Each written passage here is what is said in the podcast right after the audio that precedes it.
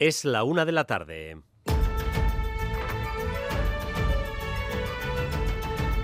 Crónica de Euskadi con Dani Álvarez.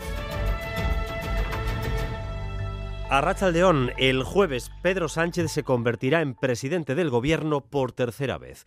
Lo hará con una de las mayorías más amplias de los últimos años en el Congreso, pero lo hará también con una situación inédita, la derecha promoviendo una rebelión en las calles contra la legitimidad de su gobierno.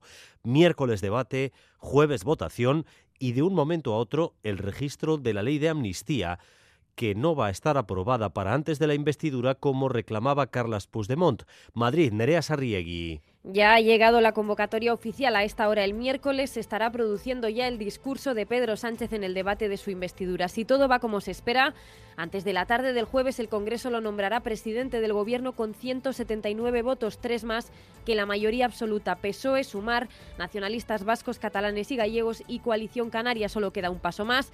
El registro de la ley de amnistía. Todos los grupos tienen ya el texto. Los sectores más movilizados de la derecha buscan su propio 15M, una movilización permanente en las calles para que el gobierno de Pedro Sánchez caiga incluso antes de haberse formado.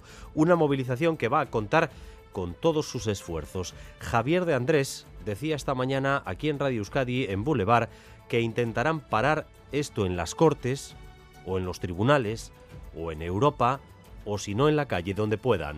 Todos los recursos democráticos que existan los vamos a, a intentar aplicar, claro que sí. En el Senado, en el Congreso, seguramente sin éxito porque todos van a, a sumarse en este proyecto de Sánchez y en, las, en, la Administración de Justicia en España y en Europa. Pues recurriremos. Al margen de la investidura de Pedro Sánchez, hoy hemos conocido el primer informe oficial sobre el impacto económico que ha tenido la salida del Tour de Francia desde nuestro país. 12 millones es lo que se invirtió desde las instituciones, 104 lo que ha dejado la carrera gala, o lo que es lo mismo, cada euro invertido ha traído 8 euros de vuelta. La aportación al Producto Interior Bruto ha sido de 58,2 millones de euros y las administraciones, las haciendas forales, han recuperado 19 millones y medio en impuestos. 24 grados a esta hora en Bilbao o en Donostia, 24 grados y viento sur el 13 de noviembre. Atención a esta otra consecuencia del cambio climático. El calor altera nuestro comportamiento. El calor nos hace más agresivos. No es una impresión, lo avalan los datos y los hechos. En los años más calurosos hay más crímenes. Este año, por ejemplo, ya se ha batido el récord de asesinatos machistas. Así lo ha descrito el psiquiatra Antoni Bulbena en Boulevard. Este año, que ha habido tantos momentos de calor, ha habido más violencia de género que nunca. Y claro, cuando veo que las campañas son de repartir abanicos y de mojarse la cabeza, encuentro a faltar que también se enfríe la agresividad, que lo sepamos. Claro, si vamos a un golpe de calor, me parece muy pobre que solamente se, se hable del abanico y no de sus aspectos conductuales.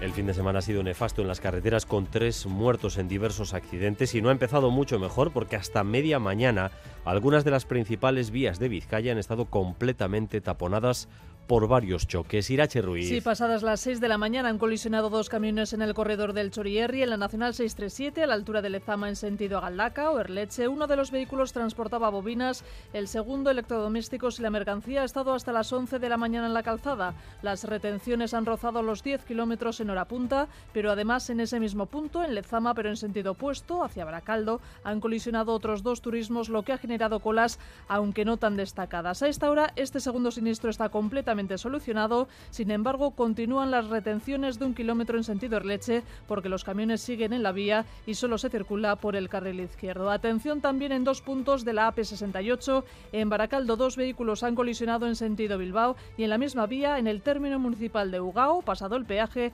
cortado el tráfico en sentido a la capital vizcaína, un conductor se ha sentido indispuesto y acaba de aterrizar en el lugar un helicóptero de Saquideza. Los conservadores del Reino Unido nunca pierden la oportunidad de sorprender. El actual primer ministro Rishi Sunak destituye a su ministra de Interior y para completar sus cambios en el gobierno rescata a David Cameron, ex primer ministro, como responsable de exteriores. Es decir, que el que convocó el referéndum del Brexit está designado ahora para hacer amigos en el exterior. Óscar Pérez. Rishi Sunak se ha cargado a Suela Braverman en una salida que estaba cantada, ha puesto en su lugar al hasta ahora ministro de Exteriores y en el puesto de este ha recuperado al que fue primer ministro entre los años 2010 y 2016. David Cameron se marchó porque perdió la consulta que él mismo convocó y en la que se oponía al Brexit. Han pasado más de siete años del día en que dijo adiós en el Parlamento asegurando que en política todo era posible. Nothing is really impossible if you put your mind to it. After all, as I once said, I was the future once. Una vez fui el futuro, recordaba entonces Cameron que dimitía al haber perdido ese referéndum. Ahora Cameron, siete años después, vuelve a ser presente porque, como él mismo decía, en política todo es posible. Y la edición número 42 del Festival Internacional de Títeres de Bilbao cuenta este año con la participación de 14 compañías, muchas de ellas internacionales. De hecho, el plato fuerte del festival será el espectáculo Origins de la compañía sudafricana Yanni Ranch Productions.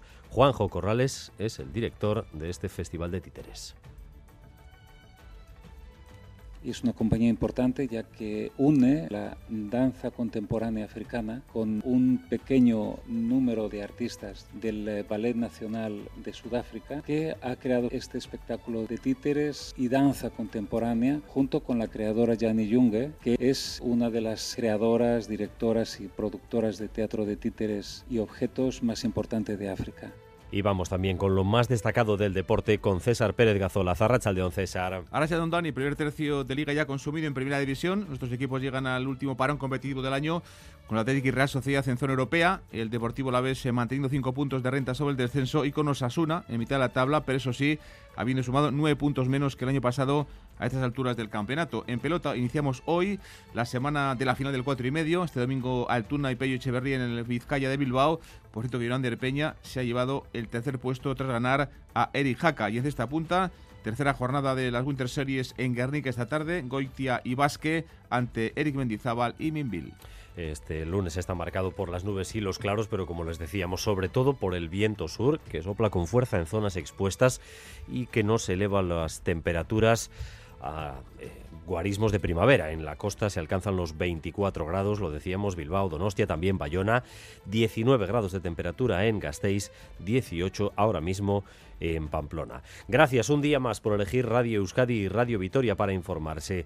Raúl González y Paula Asensio se encargan de la dirección técnica, María Cereceda de la coordinación. Crónica de Euskadi con Dani Álvarez.